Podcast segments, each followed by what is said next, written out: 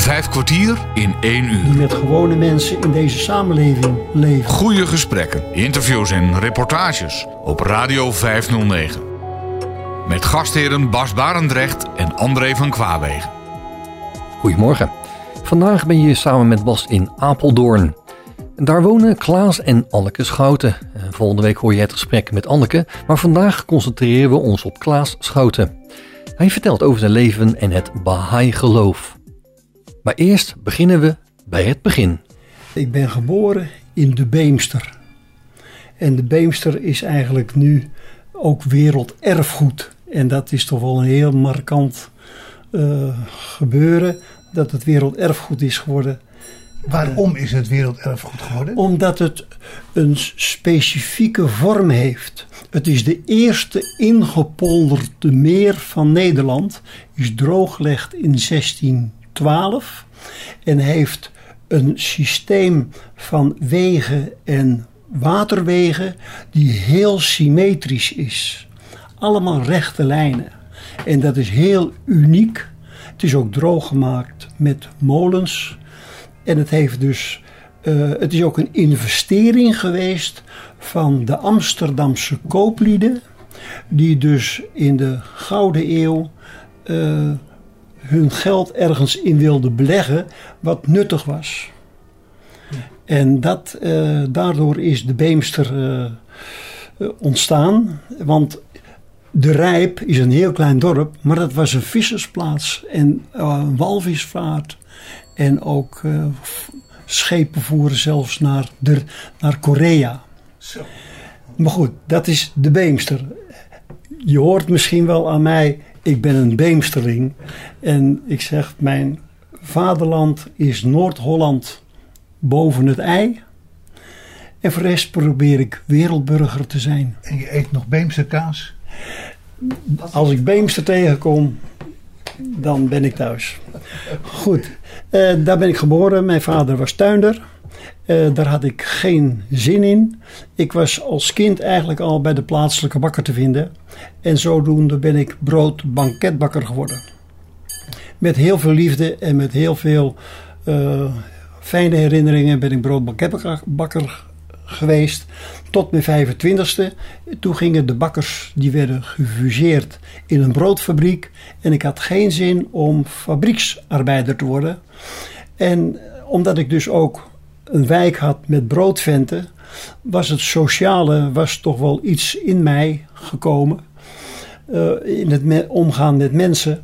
Dus toen ben ik de jeugdhulpverlening ingegaan. En mijn eerste baan was in het jongenshuis Hoendelo. Wat nu net zeer recent gesloten is. En daar werd ik uh, geïntroduceerd. En ik heb acht dagen meegelopen met een collega. En daarna stond ik dus als ongediplomeerd, zonder enige kennis, voor een groep van 13 pubers in de leeftijd van 12 tot 15 jaar. En daar moest ik maar zien te rooien hoe ik dat moest doen, want begeleiding bestond er niet in die tijd. En ik was nogal uh, eigenzinnig en volhoudend. En uh, ik heb het dus weten te redden. En langzamerhand krijg je dus ook een vorm van gezag om om te gaan met jongeren. Ja. Ik ben dus tien jaar groepsleider geweest. Daarna ook in, uh, hier in Apeldoorn. Non thuisverwerkende jongens. En op Caesarea uh, in Uggelen ben ik hoofdleider geworden. En uh, ja, dat is mijn leven verder geweest. Hoe kom je aan die banen? Solliciteren. Ja, dat deed je. Ja, ik solliciteerde. En uh, een gesprek. En je bent aangenomen. Ja, ik heb ben, ben eigenlijk nooit afgewezen.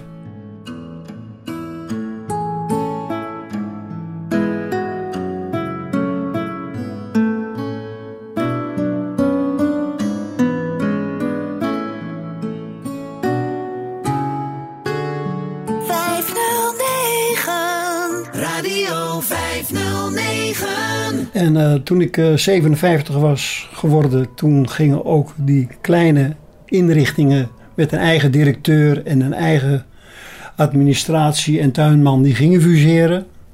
Uh, dus het hoofdkantoor was niet meer in Uggelen, maar in Arnhem. En ik was dus een man die, is, die door de praktijk leerde met kinderen omgaan.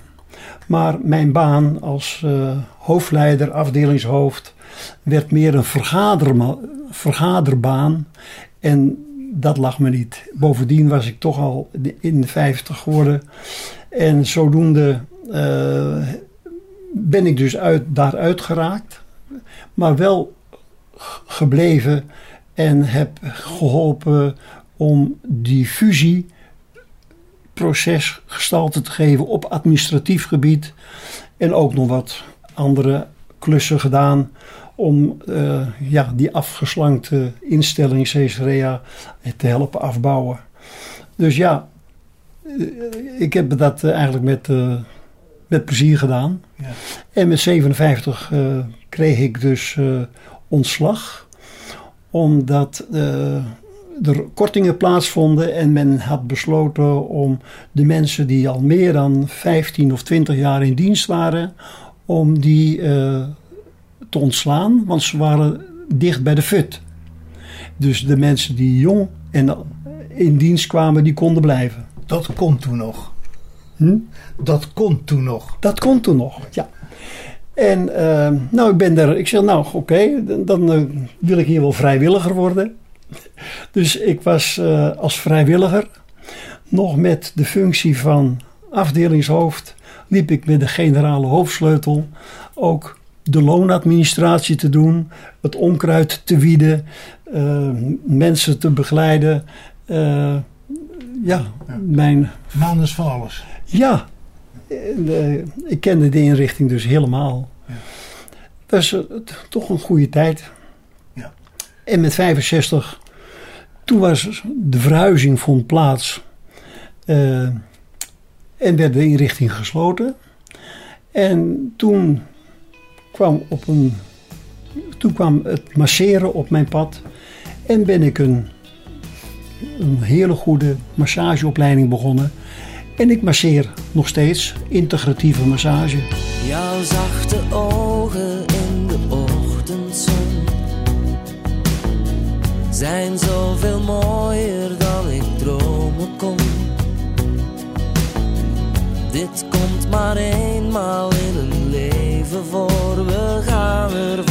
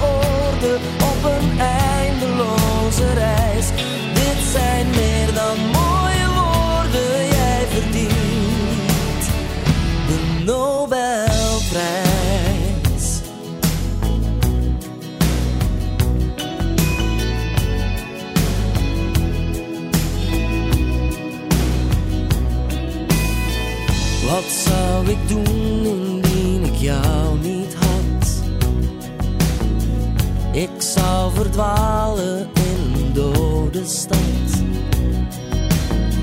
Jij houdt mijn leven op het juiste spoor, we gaan er vandoor.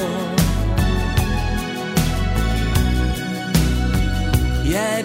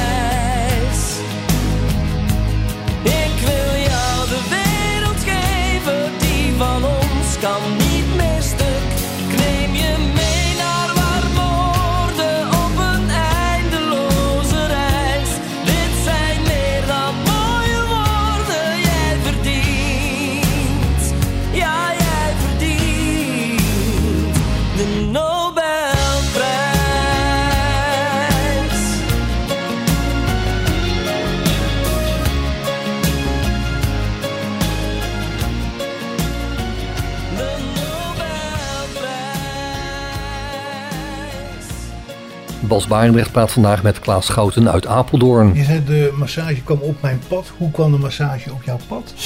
Ja, dat is eigenlijk een eh, heel, eh, heel speciale gebeurtenis geweest. Ik ontmoette eh, iemand die in het onderwijs had gezeten. En eh, die introduceerde mij ook om het transformatiespel te doen. Er gebeurden er nog veel meer dingen omheen. Eh, hele speciale dingen. Ehm, mag ik er eentje vertellen? Ja, tuurlijk. Ja. Goed. Ja, wij, wij, wij hebben dus eh, twee jongens, maar we hebben ook nog een meisje gehad. En die is eh, vlak voor de geboorte overleden. Dat is in 1975 geweest. Waar ik nu over praat is 2006, 2007. En ik ben bij mensen en, en ik ben daar aan, aan het praten en ik zeg, goh, de klok staat stil. Ehm, want ik had op de klok gekeken, het was vijf voor één. Ik had nog even doorgepraat en ik zag, de klok stond nog steeds stil. Vijf voor vijf voor één. Ja. En eh, dezelfde dag kom ik uit over de Deventerstraat en ik rij Apeldoorn binnen en daar had je dat ziekenfondsgebouw nog. Ja. En er was een hele grote klok.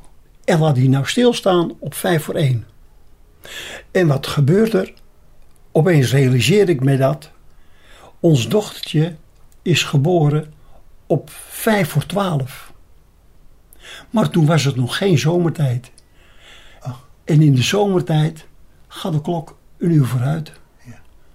En dat was een van de gebeurtenissen die mij raakte in de ontmoeting met deze vrouw. En die ik ook al wat masseerde omdat ik een voetmassage had gedaan. En toen nodigden ze mij uit voor het transformatiespel. En dan moet je iets invullen over een levensverwachting. En toen heb ik het masseren ingevuld. Want daar was ik eigenlijk al een beetje mee bezig. Ja. En ik had er informatie van gekregen. Die van een cursus van twee jaar. En een scriptie schrijven. En zeven weekenden van drie volle dagen met een, in een groep. Ik denk dat heb ik gehad. Ja. Dat, daar, begin ik niet, voor. daar begin ik niet meer aan. Eh, maar toen rolde dat in het transformatiespel. Dat is een eh, prachtig spel. Met verschillende facetten. Ja, wat, wat is een transformatiespel? Leg Ja, nee, dat, dat kan ik zo gauw niet goed uitleggen. Maar het, trans, het, het gaat over het fysieke, het- over het mentale, over de toekomst. Over de, de dingen die je verwerkt hebt, de dingen die je nog tegen gaat komen. Die komen allemaal in het spel tot uitdrukking met kaartjes. eh, zoals je dus een engelenkaartje trekt bijvoorbeeld. En, maar op verschillende gebieden. Eh, Dus dat duurt ook heel lang. ja, je bent er een dag mee bezig. Ja. Maar het hele masseren rolde er zo uit. En ik had alweer informatie gekregen. En ik denk, ja. En toen ging Anneke naar iemand toe. En toen werd ik gebeld. Klaas, wil jij me masseren? Dat was, ik heb het dus over de zaterdag, over het transformatiespel. En zondagmorgen werd er gevraagd: Klaas, wil jij me masseren? Op het moment dat ik een muziek aanzette waar ik heel veel van hield. En die vraag is mij nog nooit gesteld. De volgende dag had ik weer die muziek opgezet. En ik was toevallig weer bij een andere vriendin. Die belt mij ook op. Klaas, moet je me masseren? En toen dacht ik, ja, nu weet ik het wel hoor. Ik ga meteen bellen. Ga meteen masseren. En toen belde ik op naar die organisatie en ik wist wel iets. En ik belde op en die zegt, ja, er is nog plaats. En wanneer begint de opleiding? Nu aanstaande donderdag. Ik zeg, ik ben er. Dus ik ben er naartoe gegaan En waar was dat? in Lage Vuurse. Oké. En ik zal je vertellen, ik heb mijn verstand uitgeschakeld, mijn gevoel gevolgd, want er waren zoveel componenten die daar naartoe wezen. dat verhaal wat ik net verteld over ons dochtertje, Ja. zijn soort vingerwijzingen die je niet kunt negeren. Nee. Eh, dat ik denk, ik durfde geen nee te zeggen om daar niet naartoe te gaan. En ja, ik kwam in een geweldige grote groep terecht. Ik was wel de opa van het geheel. Maar dat geeft niet. Nee. En na het eerste weekend, eh, ja, toen zei ik zo, na het eerste weekend, bij het afscheid, na drie volle dagen. en dan slapen mannen en vrouwen, en dan allemaal jonge vrouwen en jonge mannen, eh, op een matras op de grond. En eh Klaas lag ook in een hoek. Toen zei ik, goh, ik, ik voel toch eigenlijk wel een generatiekloof. Ik had het nog niet gezegd, of een van die jonge vrouwen zegt, het is jouw kloof.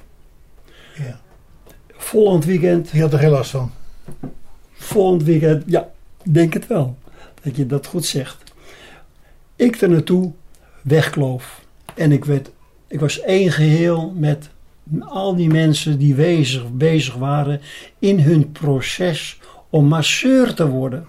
Want masseren kan iedereen. Ja. Maar masseur worden, Nee. dat is iets anders. Ja. Dat, is, dat heeft bij mij een ontwikkeling doorgemaakt waarbij ik zei, het is mijn passie. Ja. Het hoort bij mij en het is een innerlijk en een uiterlijk proces van communicatie met je medemens zonder woorden. Je had Dat niet ontwikkelt zich. Dat het zoveel met je zou doen.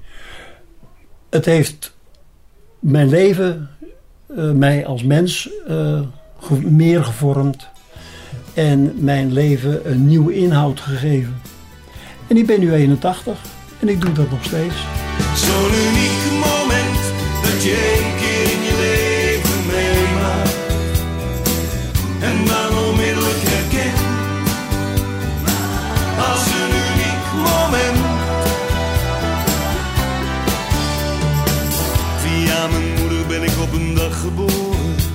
dus daar moet ik zelf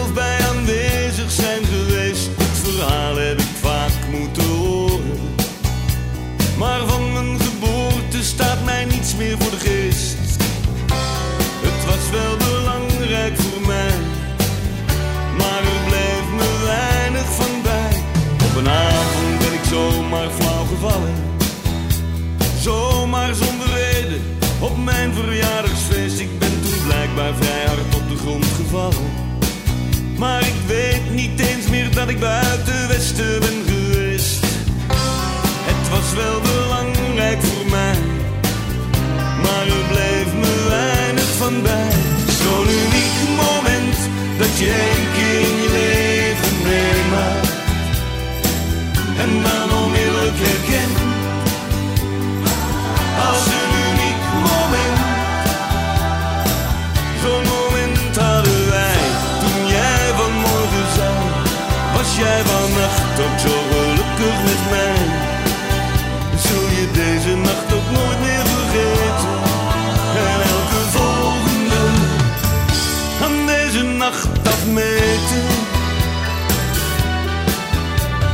heb wel eens een droompil ingenomen.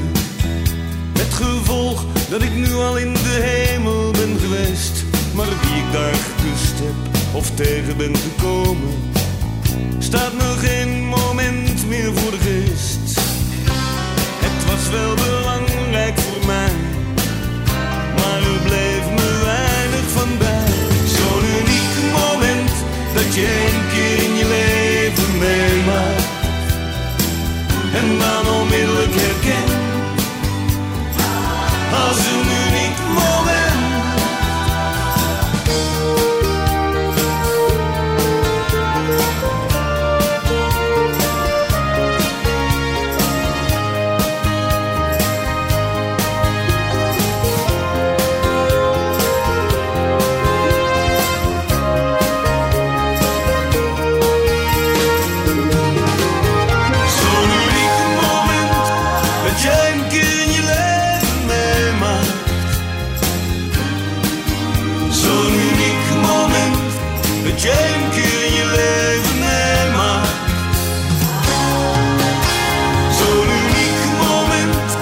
geen keer je leven meemaakt.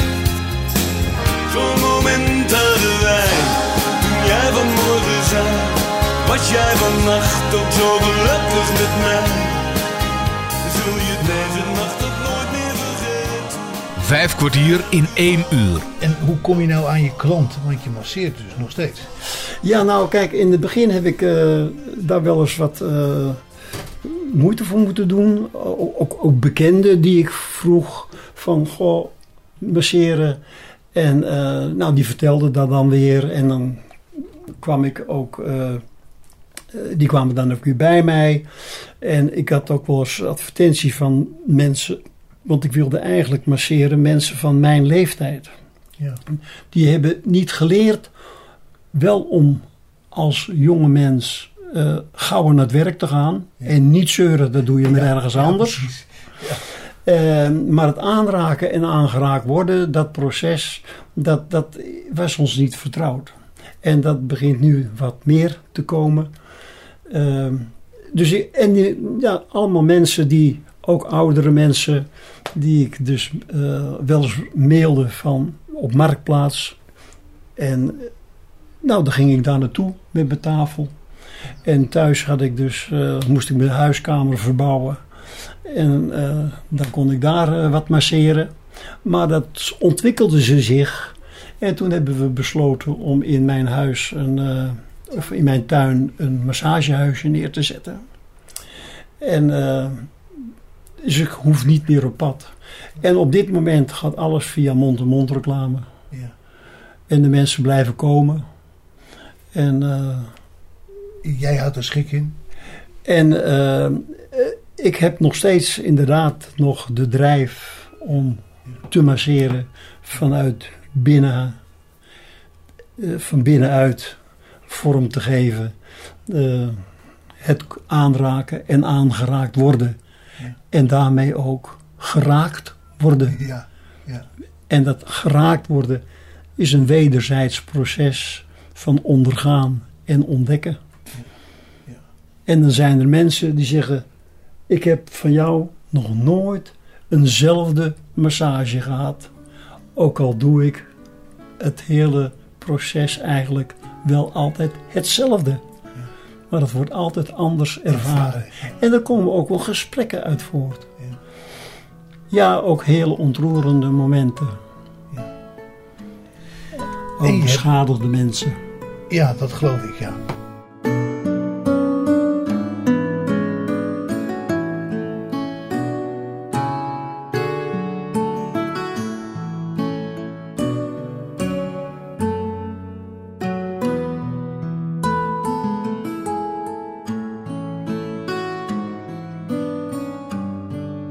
Hebt ook een grote tuin. Je hebt een, ook een heel verhaal bij je huis. Ja, nou kijk, wij woonden in de, in de Dintel en dat is, daarachter zat het Zuiderpark. En daar is nieuwbouw gekomen. En die nieuwbouw die is niet evenwijdig aan de wijk gebouwd, maar, met een, maar schuin. Dus er ontstond een, een punt grond van de gemeente die niet bij de nieuwbouw hoorde en niet bij de oude wijk van Apeldoorn-Zuid. Ja. En toen hebben ze besloten om die grond aan te bieden aan de bewoners van de Dintel. En ik heb een hoekwoning. En ik had dus de grootste punt. Ja. Eh, dus mijn tuin is meer dan verdubbeld. En ik heb dus- daardoor heb ik dus mijn massagehuisje en een kas in mijn tuin staan. En ik hou nog een ruime tuin over. ja. En daar tuinier je ook in. Ja, ik tuinier erin, ja. Ik heb gisteren nog de blauwschokkers geplukt voor mijn vrouw. En de pompoen heb ik een hele grote pompoen geoogst. En er een heel veel drui- druiven in mijn kas. Ja, lekker. En eh, de druiven komen van stekken uit Roemenië. Want mijn zoon is getrouwd met een Roemeense. Dus ja, ik eh, ben nog wel eens in beweging. En komend weekend gaan we naar Denemarken, want mijn broer, die 90 jaar wordt. Dus ik reis nog wel eens door het Europese land met mijn auto. Zo bezien heb je ook nog wel even te gaan. ja, ja, ik ben nog steeds bezig eh, om niet naar het verleden te kijken, wel te verhalen, maar eh, daar, zijn mijn, eh, daar blijf ik niet bij in mijn herinnering. Ik heb nog toekomst. Vijf kwartier in één uur. Bas Barendrecht praat vandaag met Klaas Schouten. Zojuist spraken ze over van alles zoals werk en zijn massagepraktijk. Een vol leven waarbij het Baha'i-geloof, dat beschouwd wordt als de jongste wereldgodsdienst en dat rond 1844 in Iran ontstond, een zeer grote rol speelt. Hij vertelt daarover. Op Radio 509. Maar goed, binnen dat hele levensproces van mij, eh, daar heeft ook eh, het Baha'i-geloof een, eh, een inspiratiebron in gekregen. eh, vanuit een, een nieuwe kijk naar de wereld. En een van de dingen, een van de aspecten waar ik vanaf het begin dat ik dus met het Baha'i-geloof in aanraking ben gekomen, was gelijkwaardigheid. Ja. Want ik zat ook in de opvoeding. En wat is nou de gelijkwaardigheid als opvoeder naar een kind wat je moet opvoeden? Ja. Hoe breng je dat tot stand? Ja. En nou, dat, daarover nadenken en dat proberen vorm te geven. En ook eh, wat nu weer speelt. eh, over Zwarte Piet en over racisme. Ik vind het allemaal zo moeilijk gedoe. Want ieder is gelijkwaardig in zijn eigen aard. Ja. En laten we kijken naar wie we zijn en wat we voor elkaar kunnen betekenen. Want je kunt het verleden nou wel afschaffen, maar daarmee heb je eigen problemen niet opgelost. Nee, dat is ook zo. En wanneer ben je daar mee in aanraking gekomen met Baha'i? Ja, nou, dat was nog toen het Baha'i-geloof nog nauwelijks bestond in Nederland. Dat was eh, in 1968. Het Baha'i-geloof is eh, vanuit eh, Iran en vanuit Israël de wereld ingegaan. Richting Nederland getrokken? En, en, en er waren, eh, in, in- Amerika is het ietsje gegroeid. En vlak na de Tweede Wereldoorlog zijn Nederlanders die in Amerika woonden als eh, bekend met bijgeloof. Ja, je zou kunnen zeggen pionieren. Ehm, geen zendelingen, want eh, dat is hier weer een andere, heeft een andere inhoud. Ja. naar Nederland gekomen en nu is het Baha'i-geloof wat, wat ontwikkeld. Ehm, en eh, een van de eerste groep mensen die daarmee in aanraking kwamen in Nederland, die kwam in gesprek met de broer, eh, met, mijn zwager, Ja. eh, de man van mijn, van Anneke, zus. En nou, toen kreeg ik ook informatie daarover. En dat was in 1968. Zo. En toen heb ik, eh, maar ja, ik was Nederlands hervormd. En ik zat helemaal niet te wachten op een nieuw geloof. Eh, maar ik stond er dus wel ja, open voor van wat is dat? En ik heb er een jaar over gedaan. En eh, is dit waar of is dit nieuw waar? Niet waar. Want ik kreeg te maken met een nieuwe openbaring. Ja. Een nieuwe openbaring, een goddelijke openbaring. Zoals Jezus zei: De kennis die ik bezit is niet van mij, maar van de Vader. Ja. En dat is een nieuwe impuls in de wordingsgeschiedenis van de mensheid. Ja. En de wereldgeschiedenis heeft steeds dit soort geestelijke impulsen gekregen om voort te gaan in het ontwikkelingsproces van de mens. Het, e- een van de eerste was dus de, de tien geboden van Mozes. Dat was voor een, voor een woestijnvolk. Ja. En Jezus bracht een boodschap waardoor de steden zich ontwikkelden. En Mohammed bracht een boodschap waardoor landen ontstaan. En nu is de boodschap van Baha'u'llah, die zegt, we zijn de puberteit een beetje voorbij. We staan aan het beginwording van de volwassenheid van de mensheid. Dus nu is er een openbaring die gericht is op een wereldbeschaving. En op wereldcommunicatie. En dan heb ik het over 1850. Daar is de openbaring, heeft plaatsgevonden. Op schrift gesteld. Geen discussie meer mogelijk. Wie heeft er gelijk? Hoe moet het interpreteren? Er is één weer nieuw wereldgeloof. Baha'i. Met oplossingen voor alle aspecten van de menselijke samenleving. En ik denk, hier kan ik mee vooruit. En zo ben ik zonder meer Baha'i geworden. 52 jaar geleden. En ik word, en ik word nog steeds Baha'i. Ik zeg niet ik ben Baha'i, maar ik word nog steeds Baha'i. Want het is een ontwikkelingsproces voor de mens in de samenleving waarin hij staat. En de samenleving is belangrijk. Als de samenleving veilig is, kan het individu zich ontwikkelen. En niet andersom. Ik werd wakker en het licht scheen mooier dan het ooit eens deed. Keek naar buiten en de wereld zag eruit alsof ze mij begreep. Ik zag mensen elkaar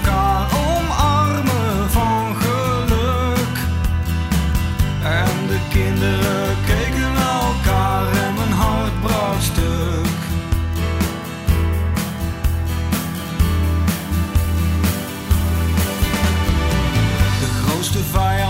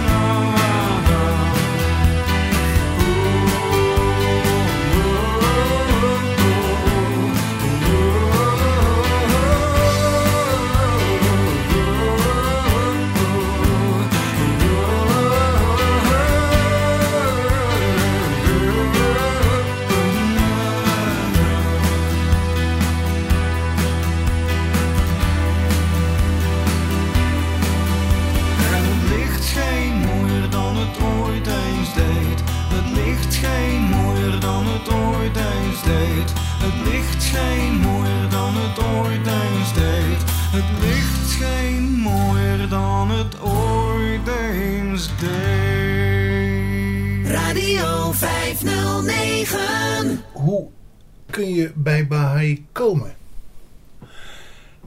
Eh, als je ze weet te vinden. Want, want het is een hele kleine gemeenschap, maar werkelijk over de hele wereld. Dus dat is een hele aparte ontwikkeling.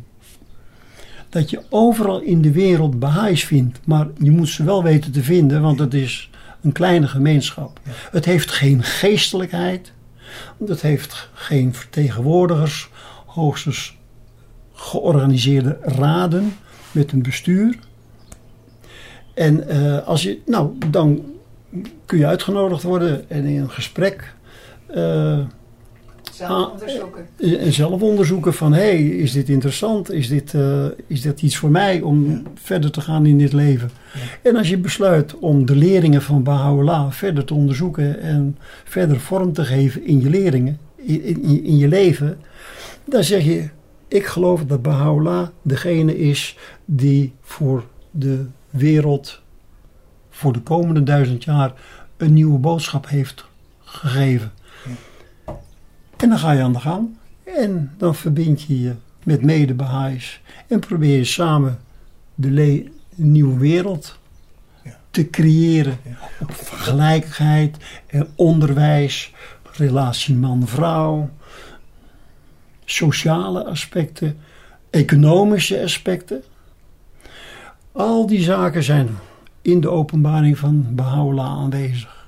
Ja. En nou, dan, dan groeit die Baha'i gemeenschap.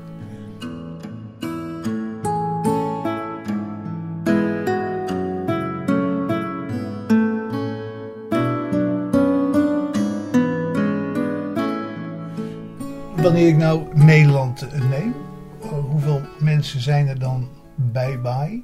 Ik dacht dan ongeveer 1500. Ja, Ja, Maar- kinderen mee. Ja. De een actiever dan een ander. ja, ja. ja. En worden er dan ook bijeenkomsten gehouden? Ja, Zondags of zaterdag? Of- nee, nee, nee, nee. nee. Dat, kijk, elke openbaring, elk wereldreligie heeft zijn eigen kalender.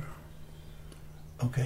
En de Baha'i-kalender heeft een systeem van 19 maanden van 19 dagen. En dan hou je nog vier dagen over. En één keer in de vier jaar vijf. Dat heet, heten de schrikkeldagen.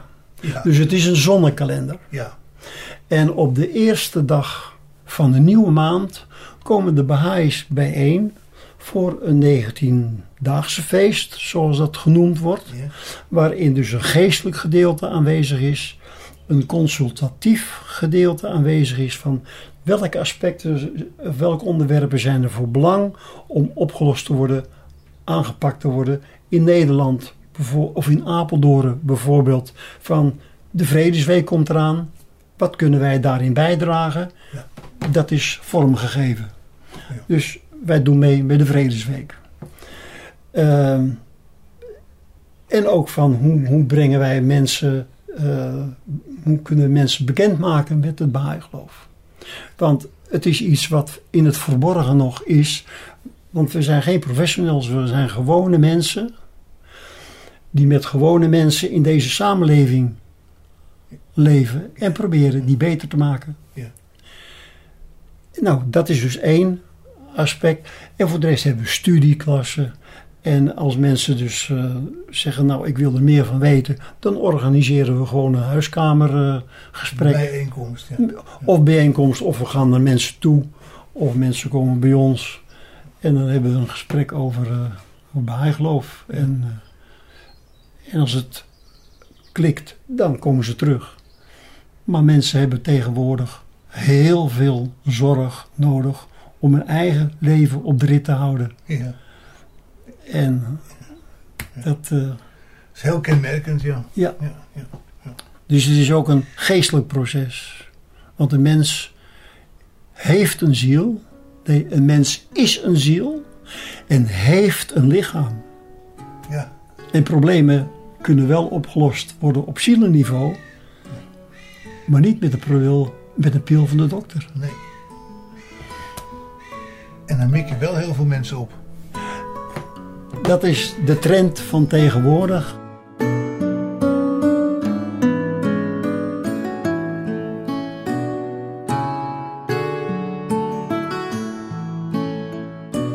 Kijk, de leringen van Baha'u'llah zijn ook op hoog regeringsniveau bekend. Over de hele wereld. Dus die, die, het, het hoofdcentrum van de Baha'is, want dat is georganiseerd in raden, eh, waarbij de persoon niet belangrijk is, maar het functioneren van een raad.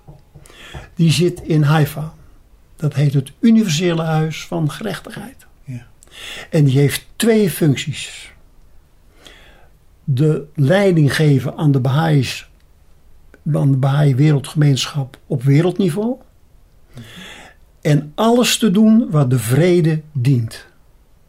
Dus de Baha'is zijn ook verbonden bij de Verenigde Naties, bij het Baha'i Internationaal Ontwikkelingscentrum bij de VN. International Community. Dus de Ja. Baha'i Internationale Gemeenschap. Ja. En eh, ja, dat zit vanaf het begin van de VN eh, daarbij. Ja, Ja. En Als- als zeker ook aspecten als het gaat over de positie van de vrouw. Daar brengen Baha'is een hele specifieke, duidelijke boodschap in. Ja. En over onderwijs met kinderen Ja. hebben ze een duidelijke visie, die ook in de wereld is terug te vinden, alleen niet in de naam van Baha'i. Dus die openbaring van Baha'u'llah, en zo is het met de leer van Christus ook gegaan, die ontwikkelt zich, die is niet tegen te houden. Wat voor onderdrukking en wat voor eh, strijd je er ook tegen voert. En, want het is een goddelijke beschaving. En de wil van God is niet uit te wissen, door, niet door mensen tegen te houden. Dus de leer van Baha'u'llah zie je vorm krijgen, met name ook buiten de Baha'i-gemeenschap. Want het racisme, de slavenhandel is afgeschaft, de positie van de vrouw is in beweging. Allemaal ontwikkelingen die hebben niet de naam Baha'i, maar komen wel voort uit het beginpunt van de eerste woorden uitgesproken door de Baap en Baha'u'llah. Staan wel Er is een nieuwe tijd. op de agenda van Baai. En de Baha'is hebben de functie om de leringen van Baha'u'llah zo zuiver mogelijk te houden. En de leringen van en de vormgeving, daar groeien mensen vanzelf naartoe. Want ja, dat is niet tegen te houden. Dus we gaan naar wereldeenheden, naar wereldeenheid. Dat is onvermijdelijk. Het is mooi geweest, we gaan naar huis. Het is voorgoed voorbij. Je bent weer thuis, een herinnering erbij. Het is mooi geweest,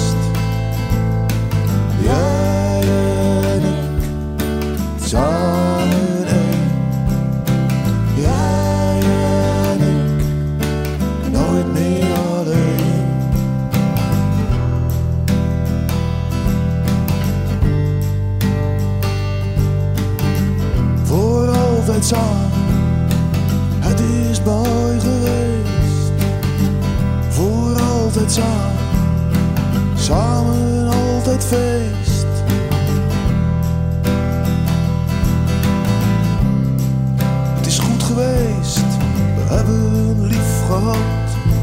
Meer zit er ook niet in, we hebben het gehad.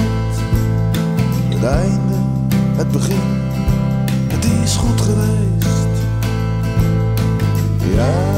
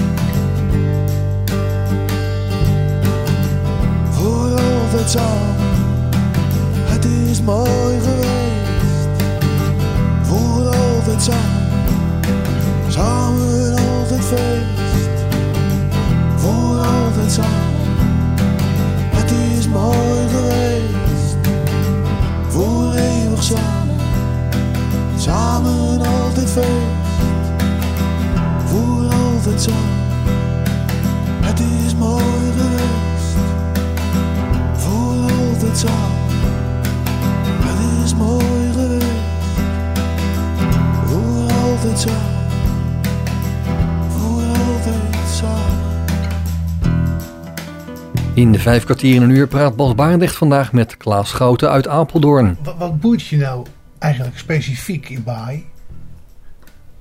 Dat ik mij daarin thuis voel. Het, eh, datgene wat ik denk en datgene wat ik voel en datgene wat ik doe, dat valt als een eenheid in mij als ik met de, met de leerlingen en met de boeken van, Baha, van Baha'u'llah bezig ben. Dat klopt, dat is zuiver, dat is. eh, daar, ben, daar kan ik het onmogelijk mee oneens zijn. Daar kan ik het he- mee eens zijn. Geen verschillen van mening zie je. Het, het, het, het kernpunt, de spil waar alles om draait in het Baha'i-geloof, is eenheid. Dus iedere vorm van tweedracht, of dat nou op menselijk niveau is, of op politiek niveau, of op religieus niveau, is verboden voor de Baha'is. Natuurlijk kun je wel zeggen, goh, ik denk er zo over en een ander denkt er zo over. Dat mag. Maar het is niet een eigendom van ik heb gelijk of jij hebt gelijk. Dus ook partijvorming Uitgesloten. is uitgesloten binnen het Baha'i-geloof. En, en eh, als, we, als er dus Baha'i-verkiezingen zijn, die vinden plaats zonder kandidaatstelling. Of dat nou op plaatselijk niveau is, of op landelijk niveau, of op internationaal niveau in Haifa, Israël. Ja. Dan komen dus meer dan 170 nationale raden bijeen zonder kandidaatstelling. Wordt er een internationaal universele huis van gerechtigheid gekozen. En dat functioneert. Dus persoonsverheerlijking, een partij wordt niet geleid door een persoon, maar door de leerlingen van Baha'u'llah. Dus ons doel, het doel van de wereld is buiten ons. Ligt buiten ons. Niet het ik, maar het wij staat centraal.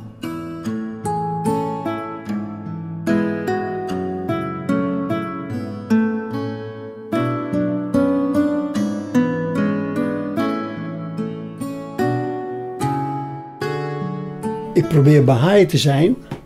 Dat betekent dus ook dat datgene wat ik denk, voel en doe, inclusief het masseren, vorm te geven van respect en eerbied en liefde en betrokkenheid. Dat doen in datgene wat ik doe. Of dat nou met mijn buurkinderen zijn, of met de mensen van mijn familie, of bij het masseren. Niet het ik staat centraal, maar de betrokkenheid en tegelijkertijd de distanties. Distantie van niet ik ben belangrijk, maar dit samengebeuren moet goed verlopen. Dus iedere samenbundeling van ontmoetingen, individueel of in de groep, dat, dat hoort in harmonie te zijn. En dat bepaalt eigenlijk datgene wat je zegt of niet zegt. Had je dat ook toen je in het begin bij Baha'i was? Nee. En nog werk had? Nee, kijk, kijk, lang, kijk als, je, als je Baha'i gaat worden, neem je je eigen achtergrond mee. Ja. Als je Baha'is in Nederland hebt, en dat zijn er misschien dan 1500, maar je hebt daar nonnen, je hebt daar kloosterlingen, je hebt daar katholieken, je hebt daar atheïsten, je hebt de vrijzinnig hervormden, je hebt de gereformeerden. Die hebben allemaal een achtergrond. Ja. En die brengen hun gereformeerde achtergrond en denkwijze mee in het Baha'i-geloof. En komen tot ontdekking van, hé, hey, hé, hey, ja, dat, je neemt je eigen achter- achtergrond mee. Kan ik dit maar loslaten? En loslaten, ontwikkelen naar een, naar een nieuw idee. Ja. Kijk, ik, ik heb eens een keer een voorstel gedaan in een vergadering. En toen kwam het op stemmen af. En toen heb ik tegengestemd. Omdat de suggesties en die ideeën van de anderen mijn ogen openden. Nee, dat is niet, geen goed idee. Nou, dit is een proces. Dat doe je niet zomaar als je dus voor het eerst daar bent. Nee, nee, geweldig. Ja. Ja, ja. Dus het, het zelfstandig onderzoek naar waarheid. Niet naar de waarheid, maar naar waarheid. Onderzoek naar waarheid is een zeer belangrijk element in het Baha'i-geloof.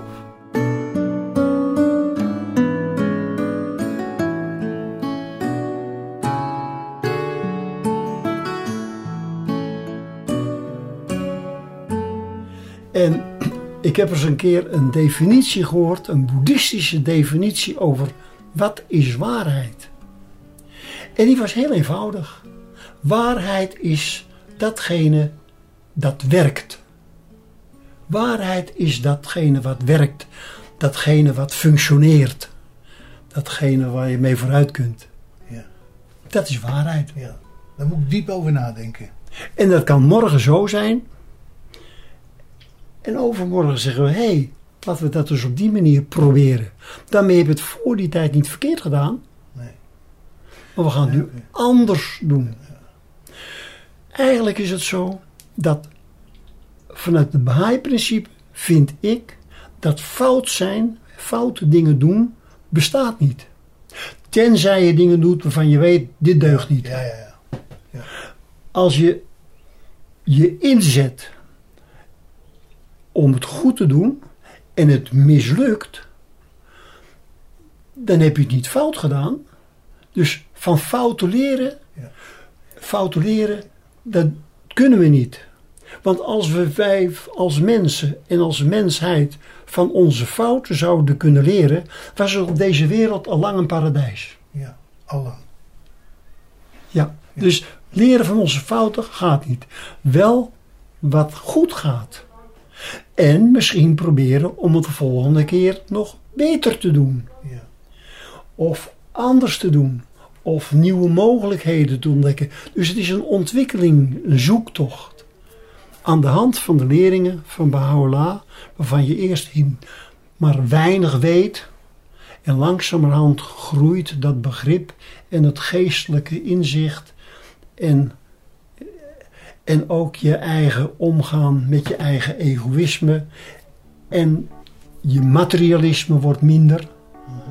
Je, ja, je, je behoeftes nemen eigenlijk af, je materiële behoeftes. Dat is jouw ervaring ook. Dat is mijn kijk op de zaak. Ja. Heel wijze woorden van Klaas Schouten.